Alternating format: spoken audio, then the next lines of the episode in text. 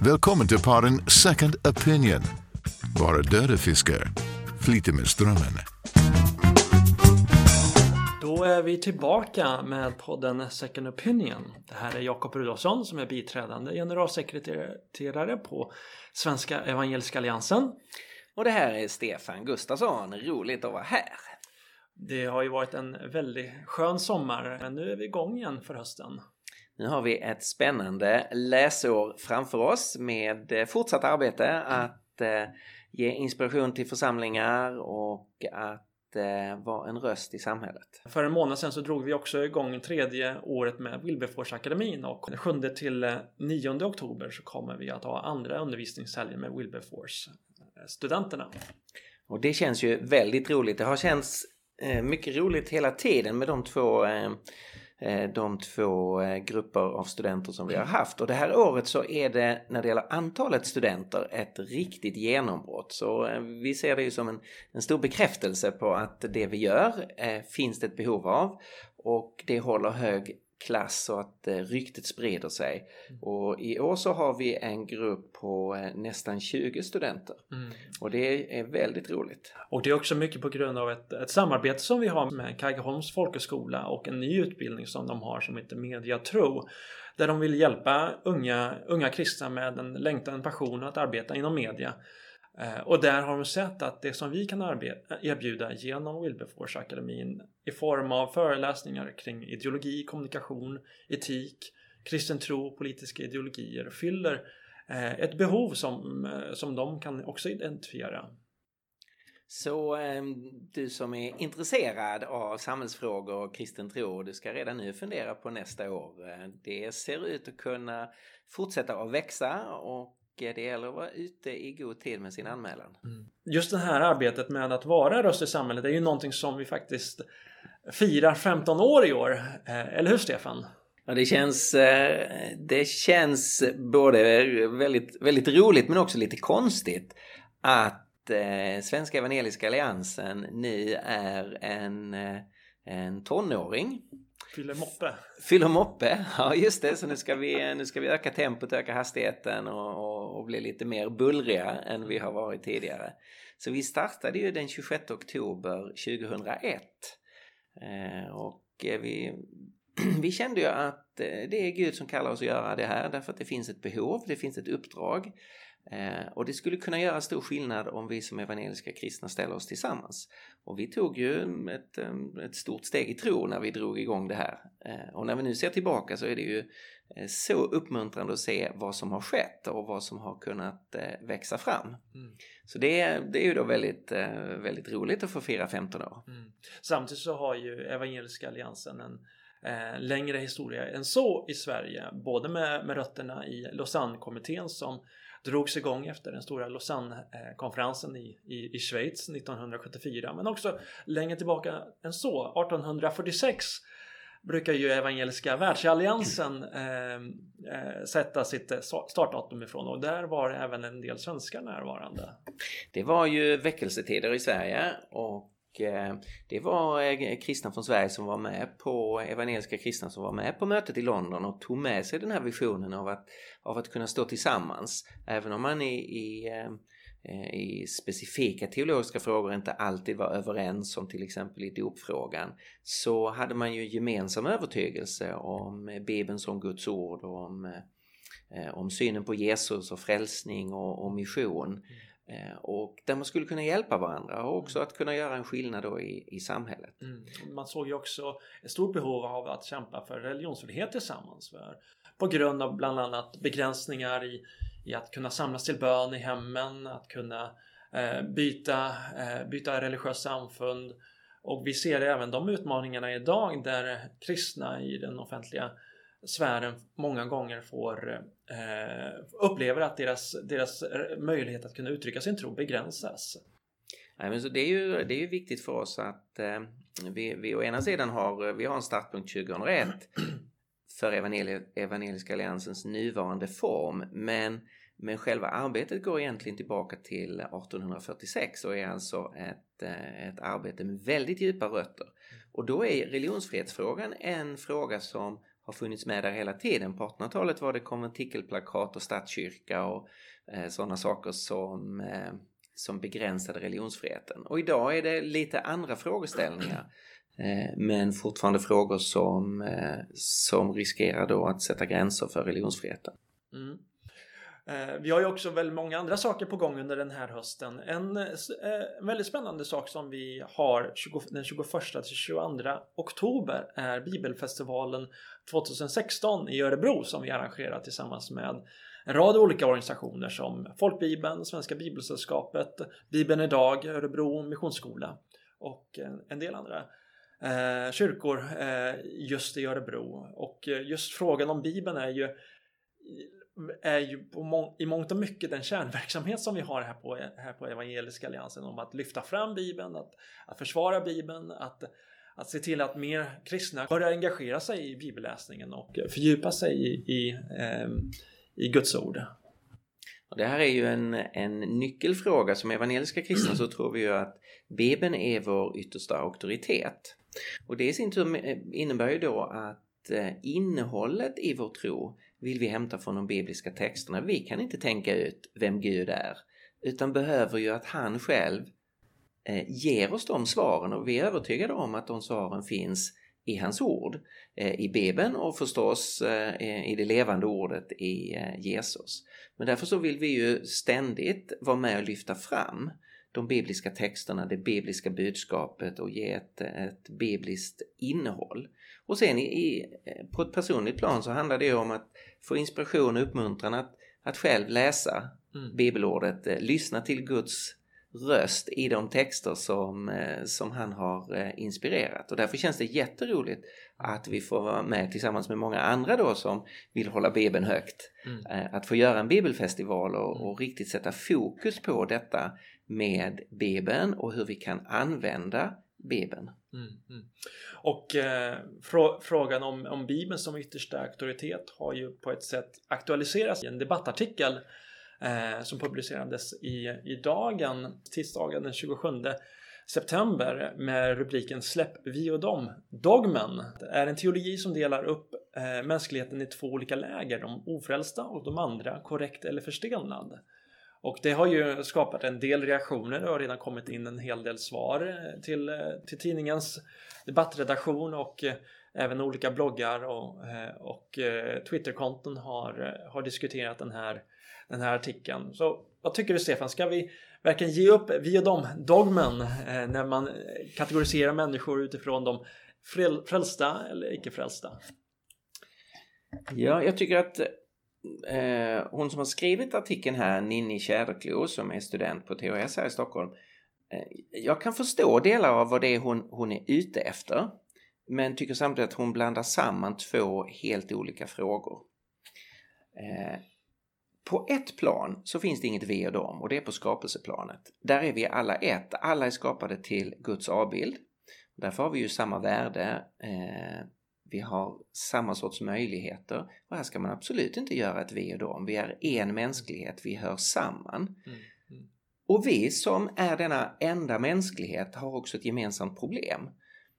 Nämligen att alla har syndat och förlorat härligheten från Gud och i grunden har samma sorts, eh, samma sorts problem. Så här hör vi samman också i, i, i syndens elände så att säga. Så både vår höghet som Guds avbilder och vårt problem att vi är syndare där finns det inget vi och dem. Där är det bara ett enda stort eh, vi. Men sen finns det ju en annan fråga och det är frälsningen. Och i frälsningen finns ett mycket tydligt vi och dem. Antingen hör du ihop med Kristus eller gör du det inte. Nya testamentet talar om mörkrets och ljusets rike. Om att vara i Kristus eller att inte vara i Kristus. Och här måste man kunna göra skillnaden mellan skapelseperspektivet, där det bara finns ett stort vi, och frälsningsperspektivet där det finns ett mycket tydligt vi och dem. Men där det ju inifrån församlingen hela tiden är en inbjudan välkommen. Du är välkommen att gå från mörker till ljus, från att stå utanför Kristus till att få del av Kristus. Så vi och domet här är ju byggt utifrån den generositet som alla de som tillhör Kristus har mött ifrån Kristus själv. Och den är ju tillgänglig för var och en så det finns ju en, en universalitet också där i själva inbjudan. Var och en är välkommen. Mm. Men man kan aldrig förneka själva gränsen mellan att vara i Kristus eller att ha sagt nej till Kristus. Att man just ställer upp en, en dikotomi eller liksom en uppdelning mellan vi och dem innebär ju inte att det, det ska leda till att man markerar mot massa människor utan kan väldigt mycket mycket väl som du säger vara en inbjudan. Kom, bli en del av oss. Mm. Bli en del av oss som är frälsta, som har tagit emot Guds nåd. Så det är en inbjudan. Och det är ju någonting som vi också ser genomgående i apostlarnas undervisning. Ehm, till exempel när Paulus och Barnabas är i Lystra. Människor som de, försöker predika, som de predikar till de, de tror att de är gudar. Paulus har, eh, har varit med och sett en, en lam man har blivit helad och folket börjar förbereda för ett offer i tron om att han och Barnabas är, är, guden Zeus och guden Hermes. Eh, men när Paulus och Barnabas inser att vad som är på gång så, så säger de, det första de säger är att vi är som er, vi är människor. Mm, mm. Där finns ju identifikationen utifrån vi är ett, eller, vi är ett och samma, vi, Mm, vi mm. tillhör båda eh, båda kategorier i skapelsen, vi är, Mm. båda skap, vi är alla skapade av Gud.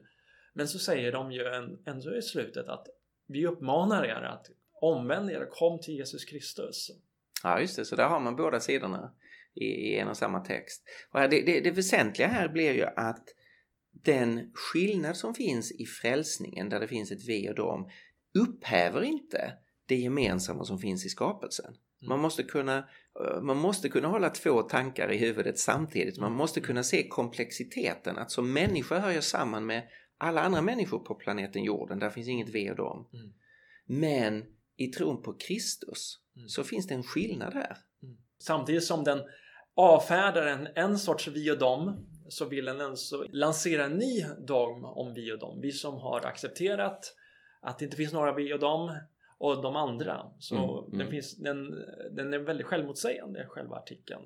Eh, det har även varit bokmässa där eh, du noterade nyligen att eh, ärkebiskopen bjöd in till ett samtal om det kristna hoppet utifrån en ny bok som hon har skrivit. Samlas kring hoppet där DNs kulturchef Björn Wiman intervjuade henne om just den kristna eskatologin och för den som kanske upplever det här som ett väldigt svårt ord Eskatologi, vad innebär det egentligen? Betyder läran om eh, den yttersta tiden? Vad undervisar den kristna tron? Vad har den kristna tron alltid undervisat om, om eh, den yttersta tiden? Om just om Jesu återkomst, om att alla människor som någonsin levt ska uppstå från de döda, att alla också ska redovisa sina liv eh, för Jesus och få sin dom av honom och att just alla som tillhör honom ska få evigt liv och del av Guds rike i, i fullheten. Du skrev en kommentar kring detta i, eh, i det nyhetsbrev som vi skickar ut här från eh, Evangeliska Alliansen. Ja, jag tyckte det var, om, om man tänker på den, den debatt som har, eh, som har rasat under ganska lång tid, där det ju både inifrån kyrkan och utifrån kyrkan så har det kommit synpunkter på varför är kyrkan så otydlig. Och mycket av kyrkans ledning har ju svarat då, nej men vi förstår inte den här kritiken, vi är ju visst det tydliga. Och sen har den här diskussionen inte velat lägga sig. Och som jag ser det, beroende på att kyrkan faktiskt fortsätter att i alla för kristendomen avgörande frågor vara otydliga. Man är tydlig i, i vissa samhällsfrågor, men när det gäller själva trons kärna så fortsätter man att kontinuerligt vara otydlig. Och här vid Bokmässan så var det för mig ytterligare ett exempel när Björn Weman intervjuade ärkebiskopen och frågade henne om utifrån hennes bok då vad är eskatologi? Och då hon valde att, att svara utan att eh, ange eh, en, en enda innehållspunkt i den kristna eskatologin. Just det som jag räknar upp nu om, om Jesu återkomst, om Om domen och om eh, evigt liv eh, eller uppståndelse och dom och, och evigt liv. Utan man talar bara vagt om att eh, vi har tro, vi har tvevel, eh, man behöver inte förtvevla. Alltså utan att definiera vad är trons innehåll? Vad är det som vi eventuellt eller vad är det som vi kan tvivla på? Eh, vad är det som gör att vi inte behöver ytterst sett förtvivla? Mm. Eh, och det är var- den här avsaknaden av Mm. det kristna innehållet. Och där kan man ju, kan man ju fråga sig eh, att när man har ett, en plattform just på Bokmässan, eh, Sveriges största kulturella institution och en enorm möjlighet att kunna presentera den kristna trons innehåll, att, eh, att man då väljer att inte specificera vad just det kristna hoppet består av. För, för som hon sa i, i den här intervjun och det är ju sant att vi inte behöver, vi kan tvivla, det, det är sant, vi kan mm. många gånger mm. tvivla, vi är mm. människor, vi, eh, vi, vi tappar hoppet ibland. Men vi behöver inte förtvivla. Vad är det som gör att vi inte behöver förtvivla? Jo, det är ju det är just det som är kyrkans bekännelse att Jesus kommer en dag komma tillbaka och han kommer att ställa allting till rätta. Mm. Eh, och det är ju det, det, kristna hoppet. Det är inte bara en tro utan tro på någonting eh, diffust utan det är ju tro på någonting väldigt specifikt. Mm. Mm. Eh, I intervjun så är ärkebiskopen, eh, hon är ganska rätt fram med vad kommer att hända med vårt universum? Så att säga om man räknar bort Gud. Ja, det som kommer hända är ju att solen en dag slocknar. Mm. Och då är det slut med allting på mm. den här jorden. Mm. Eh, så där kunde man då formulera ganska, ganska klart vad innebär en naturalistisk perspektiv på mm. livet. Mm. Den kristna eskatologin står ju då i kontrast till det genom att säga slutet är inte att solen slocknar utan långt innan dess kommer Jesus, den uppståndne Jesus, att komma tillbaka mm. för att ställa allting till rätta. Men det är just det här steget att våga tydligt formulera det som man i en, eh, i en luthersk gudstjänst bekänner vid varje söndag i den apostoliska mm. trosbekännelsen. Att därifrån eh, eh, väntar vi Herren Jesus att han ska komma tillbaka till jorden. Och man bekänner sin tro på de dödas uppståndelse och ett evigt liv. Men att det i den offentliga debatten att man väljer att ligga så lågt med det kristna trosinnehållet. Och så länge kyrkans ledning fortsätter att göra det så kommer den här debatten om kyrkans mm, otydlighet mm, mm, att fortsätta. Den kommer inte att lägga sig. Ja, det är ju därför som, som eh, bland annat vi på Evangeliska Alliansen finns att kunna vara med och formulera ett tydligt kristet budskap i en allt mer sekulariserad kultur. Som till exempel just eh, den, eh, den nya SOM-undersökningen från Göteborgs universitet visar det tydligt att allt färre säger sig tro på Gud eller säger sig tro på att det finns en Gud.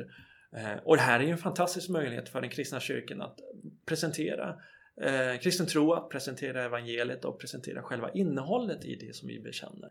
Och här måste vi ha, eh, ha eh, mod att, eh, eh, att vara tydliga, att vara klara eh, med vad som är kristen tro. Om du är intresserad av eh, den här eh, intervjun som vi nu har kommenterat så gå in på sea.nu och titta på vårt senaste, på vårt senaste nyhetsbrev. Där eh, har jag kommenterat den här intervjun och där finns förstås en länk så du kan eh, se intervjun mellan ärkebiskopen och eh, Björn Wiman och själv, eh, själv förhålla dig till det som vi har pratat om här. Mm. Vi kommer återkomma till dessa och många fler frågor under hösten här i podden Second Opinion. Men tills dess får du gärna besöka, som Stefan sa, vår hemsida www.sea.nu och ta del av eh, mycket mera resurser från oss på Evangeliska Alliansen. Och du får förstås eh, väldigt gärna kontakta eh, Jakob eller mig. Vi finns ju på de väldigt enkla e-postadresserna, våra namn, snabel Du hittar det på, på vår hemsida. Och alldeles strax fortsätter vi ett spännande samtal med en av våra inbjudna gäster. The Swedish Evangelical Alliance Christian Faith in the Marketplace Välkommen tillbaka till podden Second Opinion. För ett, eh, ett antal månader sedan så skrev kultur och eh, samfundsminister Alice Bah Kuhnke i Dagens Nyheter att skattepengar inte ska gå till hatretorik och polarisering. Och där så aviserade hon en utredning om att krav på demokratiska värderingar skulle skärpas inom civilsamhället och att stöd till civil och, eh, civilsamhälle och trossamfund ska fördjupa demokratin och inte undergräva den. Och den utredningen drogs igång den 15 augusti och ska redovisas senast den 26 januari 2018 och till utredare så utsågs statsvetaren Ulf Bjäreld. En annan person som har reagerat på signalerna i artikeln är Thomas Idegard. Eh, Jesuit och teologistuderande. Många känner ju till honom i den svenska samhällsdebatten säkert som, som tidigare MUF-ordförande men jag, han skulle nog säga att det är preskriberat. Det är väldigt långt tillbaka. Det är väldigt står lång tid för det. tillbaka. Välkommen! Tack så mycket. Tack, tack, tack, tack. Ja, du skrev din artikel i eh, den katolska kulturtidskriften Signum Mm. eh, med en artikel med rubriken Extremism är inte att tycka annorlunda än riksdagsmajoriteten. Jo, alltså jag vill säga så här att om regeringen inte är klar och tydlig på vad det är man vill undvika så är risken att resultatet av en sån här utredning blir väldigt oklara kriterier som ytterst innebär en statlig åsikts, eh, så att säga, åsiktskonformitet, en statlig styrning av åsikter, teologiska eller vad det nu må vara. Um, eh, och det är egentligen det. Och, och om jag då får utveckla lite grann så är det så här att vad, vad vi vill undvika, jag tror de allra flesta sunt tänkande människor oavsett vad man tror på, eh, är ju att det ska gå statliga pengar till eh, eh, våldsbejakande islamism. Mm, mm, För det är ju det problemet vi har. mm. Det är ju inte så att vi upplever runt våra pingstpastorer eh, människor som går omkring och tar på sig eh, eh, självmordsbälten. Det är inte på katolska konfirmationsläger som människor pratar om jihad och att döda de som inte tycker och tänker som vi. Utan det finns ju vissa muslimska grupper, vissa muslimska, inte alla, vissa där den här radikaliseringen som blir våldsbejakande pågår. Och då menar jag så här, och det är det vi vill stoppa. Och då måste man börja där och säga att det är det här vi vill stoppa. Och om det är det man vill stoppa, då måste man utforma statsbidragssystemen så att det inte kan gå pengar till organisationer eller delar av samfund som understödjer sånt här. Men då är det någonting annat än att prata allmänt och fluffigt om polarisering och sånt där. Och det, det var det som var min, min stora kritik. Alice Bah Kuhnke skriver ju i sin debattartikel att eh, vi kan aldrig acceptera att medborgarnas skattepengar används till att organisera hatretorik och ökad polarisering. Hon, hon nämner ju inte våldsbejakande extremism eller våldsbejakande budskap eller Nej, nej. Eh, eh, att hetsa nej, till våld nej, i sin artikel. Eh, och vad, vad skulle du säga är Jo. problemet? Problemet med det blir ju att, att, att eh, om man inte är tydlig på vad det är man vill motverka så kommer man att med allmänna fraser som eh, eh, polarisering eh, Eh, att snarare riskera att det blir en statlig åsiktskontroll. Eh, låt mig ta några exempel. I Storbritannien där jag just nu bor eftersom jag studerar i London så eh, presenterade den brittiska regeringen för något år sedan en ny antiterrorstrategi och där säger man att man ska motverka också icke-våldsam extremism. Men det här vad som är en extremism, det definieras inte.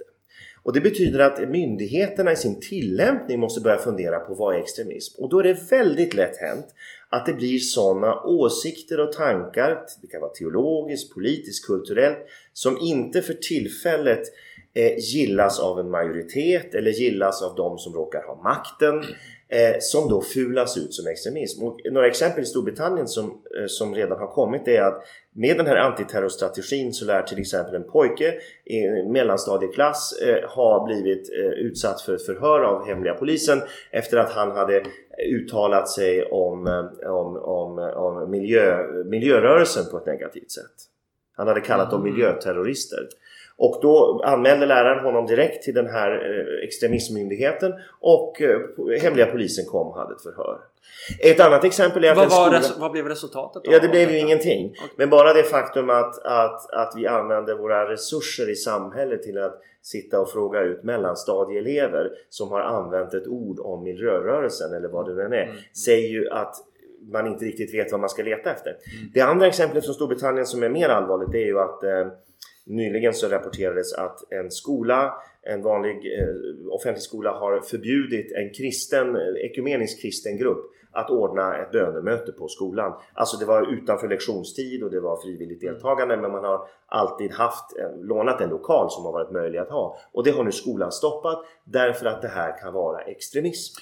Och, och, och, och då, då, blir det, då blir det en fråga som att till slut så blir det rådande riksdagsmajoriteten bestämmer vilka åsikter som är extremistiska eller polariserande. Mm. Och då är vi ganska många som just nu inte tycker saker som, eh, som majoriteten tycker. Och man kan ju säga så här också att eh, ett fritt och öppet samhälle förutsätter just polariseringar. För att det finns polariseringar mellan socialdemokrater och moderater. Absolut! Polarisering, polarisering mellan veganer, köttätare, royalister eller republikaner. Precis, Så precis. Det, det, det är en ofrånkomlig del av att leva i ett öppet och demokratiskt samhälle. Och det där är väldigt viktigt. Det är inte polariseringen som är problemet eller som är, som är, som är haken utan det är hur vi hanterar polarisering. För precis som du säger, det, det, det, det pluralistiska samhället förutsätter helt att människor har olika åsikter men kan leva tillsammans i fred. Och det är ju då vi kommer tillbaka till den våldsbejakande islamismen mm. som just nu är ett av de största hoten mot det här samhället. Eh, det finns annan typ av extremism också men, men vi vet i Europa att det är det här som vi just nu är mest rädda för. Eh, den, den hanterar ju inte polarisering på det sättet utan den utrotar ju människor som har andra uppfattningar. Och då är det det vi måste angripa och säga att det är det här vi måste se till att motverka och att statsbidrag inte får gå till de som vill ha ett samtal på fredlig grund om olika åsikter. Mm de måste naturligtvis ha sina olika åsikter. Och det är därför jag tycker att ordet polarisering är så konstigt. Jag menar, pol politiken är ju polarisering. Eh, eh, det finns människor som blir polariserade av att Vänsterpartiet säger att det inte ska vara vinster i välfärden. Eller att Folkpartiet vill ha mer resurser till försvaret. Eller vad det nu må vara. Mm. Människor upplever polarisering i politiken. Den är inte skadlig. Mm. Utan det är vad vi gör av den. Och då är vi tillbaka till vad är det vi vill motverka. Mm. När vi talar om just de här sakfrågorna som, som lätt eh, klumpas in i begreppet extremism så var det ju en debattartikel i Aftonbladet under våren Precis. som du också nämner. Eh, och som jag, vi på eh, Svenska Evangeliska Alliansen också har skrivit om. Att där 16 riksdagsledamöter från eh, tvärpolitiska nätverket mot hedersbrott. Eh, bland annat Birgitta Olsson, tidigare demokratiminister och mm. eh, Per Westberg som är tidigare talman eh, i, i riksdagen. Som, skrev, som plockade ut vad som var demokratiska kriterier som man skulle bryta mot. Och då var det ju bland annat att man inte tillät kvinnliga präster, att man mhm. inte vigde eh, samkönade par. Jo, nej men det där, var, det där är ju oerhört farligt och det där är ju, så att säga, pekar ju på en direkt totalitär tendens i det här, i det här, i det, hela det här sättet att tänka. Vi ska mot uh, kulturminister Alice Bah Kuhnke vara rättvisa och säga att hon har inte pratat om detta. Nej, men risken med de här väldigt allmänna formuleringarna som hon har är ju att det blir precis de här helt bizarra kriterierna som de här personerna förde in. För vad betyder det här? Jo, de ville dra in statsbidragen då till samfund som inte har kvinnliga ämbetsbärare, som inte har då eh, upp, uppmuntrar samkönad sex och som då säger att sexualiteten är till för äktenskapet och så vidare. Och det betyder ju att Merparten av de svenska frikyrkorna skulle bli av med sitt statsbidrag direkt. Eh, katolska kyrkan definitivt. Ortodoxa kyrkorna, de, eh, alla muslimska samfund och merparten av de judiska samfunden skulle bli av med sina statsbidrag. Eh, och om då, om, då, om då de här politikerna vill att det är det som ska hända, att vi ska ta bort statsbidragen till samfunden, säg då det. Mm. Eh, det kan vi alltid argumentera mot eftersom Eh, vi har en situation där Svenska kyrkan ju fick ett enormt statsbidrag när den skildes från staten, nämligen alla sina tillgångar. Mm, och de statsbidrag som vi nu har till de olika samfunden eh, är ju en kompensation för det. Mm. Istället för att dra in kyrkolokalerna och sälja dem så har man gjort så här. Men vill man kritisera det, då får man säga det. Men att börja säga att riksdagen ska fatta beslut om vilken teologi mm. som, ska, som ska få förekomma i samfund för att de ska få, eh, få, få bidrag. Eller eh, vilken typ av organisationsstruktur de har. Jämför det med om man skulle säga att politiska partier som också får mycket bidrag från det offentliga Ja, då ska man sluta ge dem till personer, till partier som bara har en partiledare av ett kön. Varför borde alla borde ha språkrör som Miljöpartiet? Eller som tycker en sak om arbetsrätten eller vad det nu än må vara.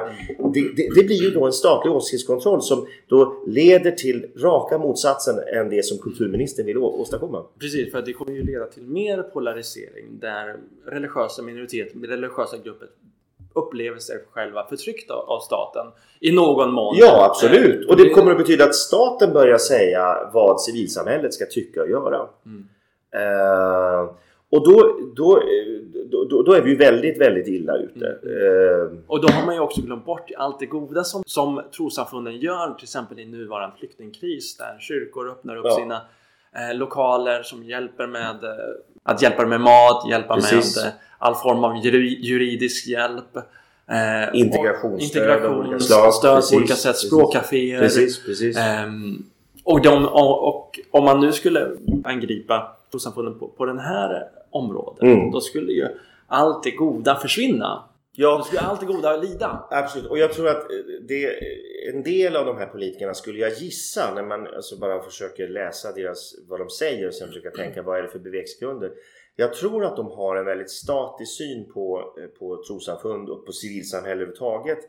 Och det, det vetter lite mot det totalitära även om jag kanske inte tror att de avser det men det blir konsekvensen.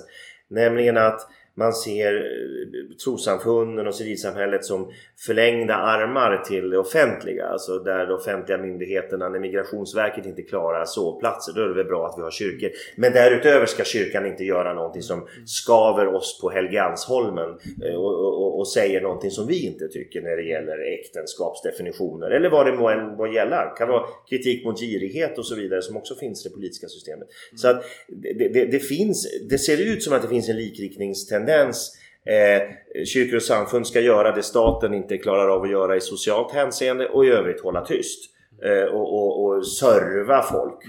Och eh, det går ju mot själva idén med civilsamhället. Och jag tror att eh, det som är viktigt att fler civilsamhällesorganisationer än bara kyrkor och samfund nu borde delta i samtalet om den här utredningen som kulturministern har, har aviserat är väldigt viktigt därför att den här gången Eh, riktar sig vissa politiker in på teologiska åsikter i kyrkor och samfund. Nästa gång kommer det kanske röra åsikter eller verksamheter i fiskeriföreningar eller vad det nu än må vara för typer av civilsamhällesorganisationer. Olika typer av ideella föreningar och hjälporganisationer och så. Så att den här gången är det religiösa, teologiska åsikter som är förhatliga. Nästa gång kommer det vara något annat och det är därför som det är viktigt att säga stopp. Och jag tror så här att min, min, rekommendation, min rekommendation är ju att vi från kyrkor och samfunds sida måste nu försöka visa vilka kriterier som vore rimliga att ha för eh, statsbidrag. Och där skulle jag vilja bidra med två. Jag tror att det första kriteriet ska vara att eh, om man man måste avsvära våld, avsvära sig våld som missionsmetod.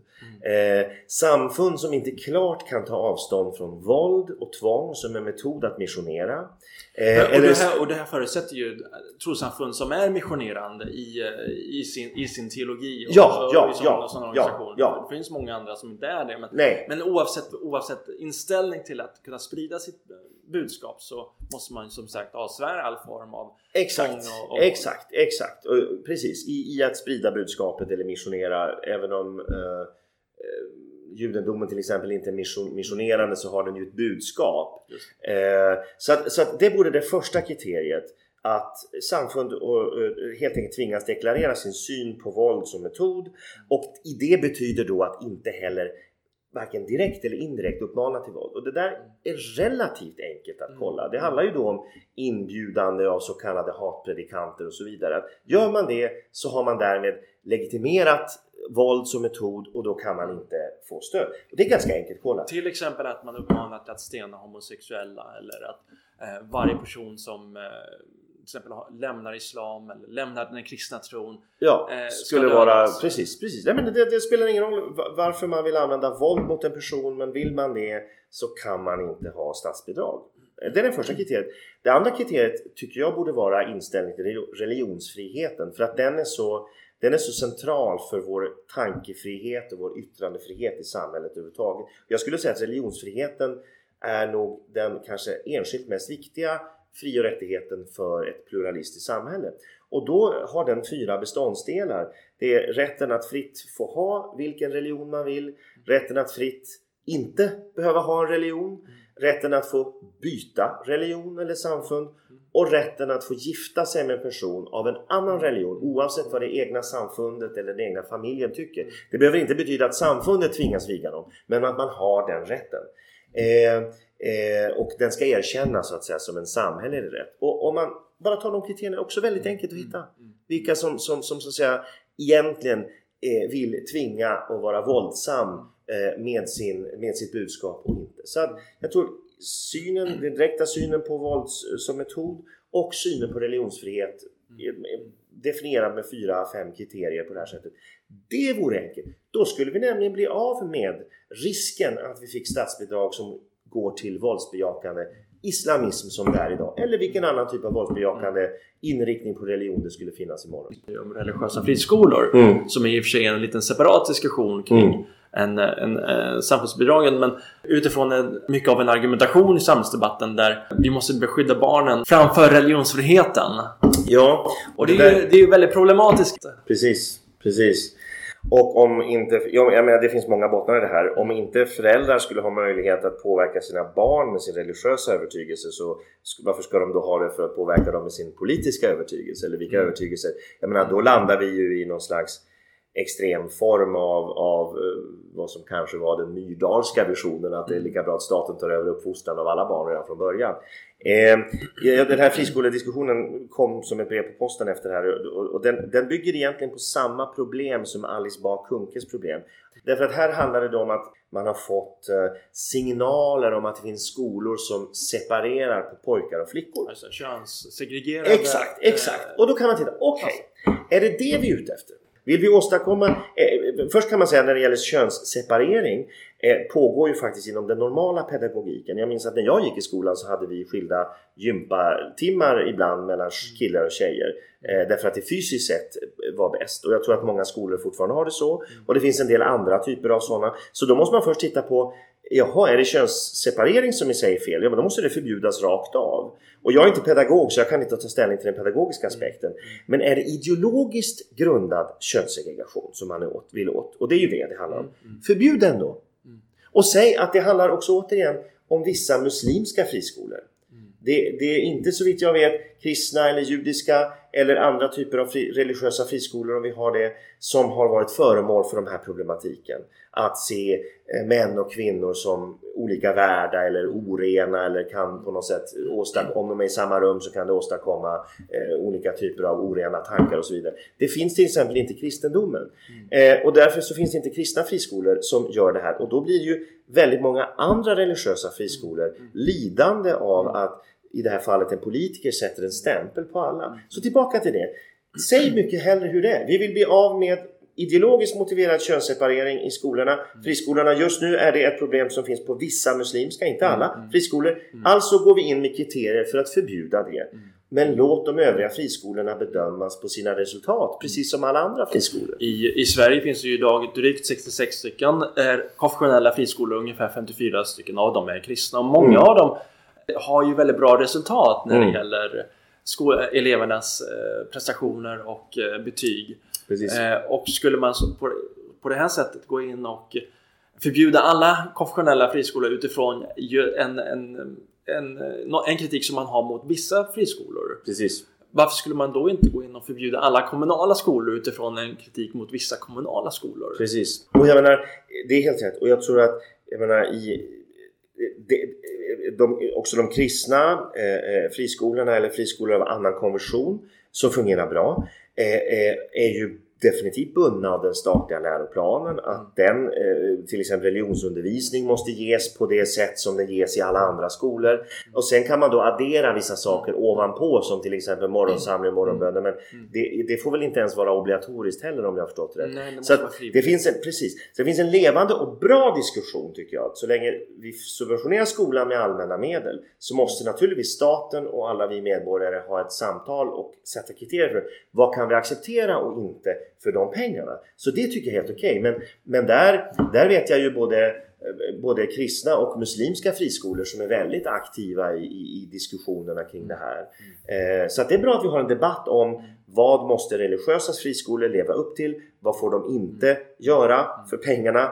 Men det är någonting helt annat än att svepande säga att några gör så här, alltså borde alla förbjudas. Det är jättekonstigt. Vad, vad tror du att utvecklingen av detta kommer, kommer få på samhället i stort? Alltså jag tror att vi just nu i, i Sverige och västvärlden, jag märker samma sak i Storbritannien, fast jag tror att det är lite mer infekterat i Sverige för Sverige har varit ett så mycket mer homogent land på något sätt. Vi är inne just nu i en, i en spännande, lite stökig fas som handlar om att verkligen på allvar börja acceptera mångfald. Mm. Och jag tror att de allra flesta människor i vardagen gör det väldigt gott. Men vi har ett, tror jag, politiskt system, om man får kalla det så, en politisk elit, en medial elit, opinionsbildarelit, framförallt koncentrerat i Stockholms innerstad, som har jätteproblem med det här. För de har börjat upptäcka att det finns folk som tycker annorlunda än dem. Och att de här som tycker annorlunda än dem också gör det med relativt goda argument och på goda grunder och dessutom tar sig friheten att föra fram de åsikterna. Eh, och jag tror, att, jag tror att det här det är det här som får de här politikerna nu att göra uttalanden och upprop hitan och ditan. Därför att de, de har svårt att hantera olikhet. Många av de här har ju haft märken på sig, så här, vi gillar olika och så. Mm. Men det har ju varit, det har ju varit en olikhet som så att säga är definierad av de som har makten. Mm. Eh, eh, en olikhet som, som, som man för stunden gillar. Precis, men precis, inte är precis. så mycket olik. Nej, precis, precis.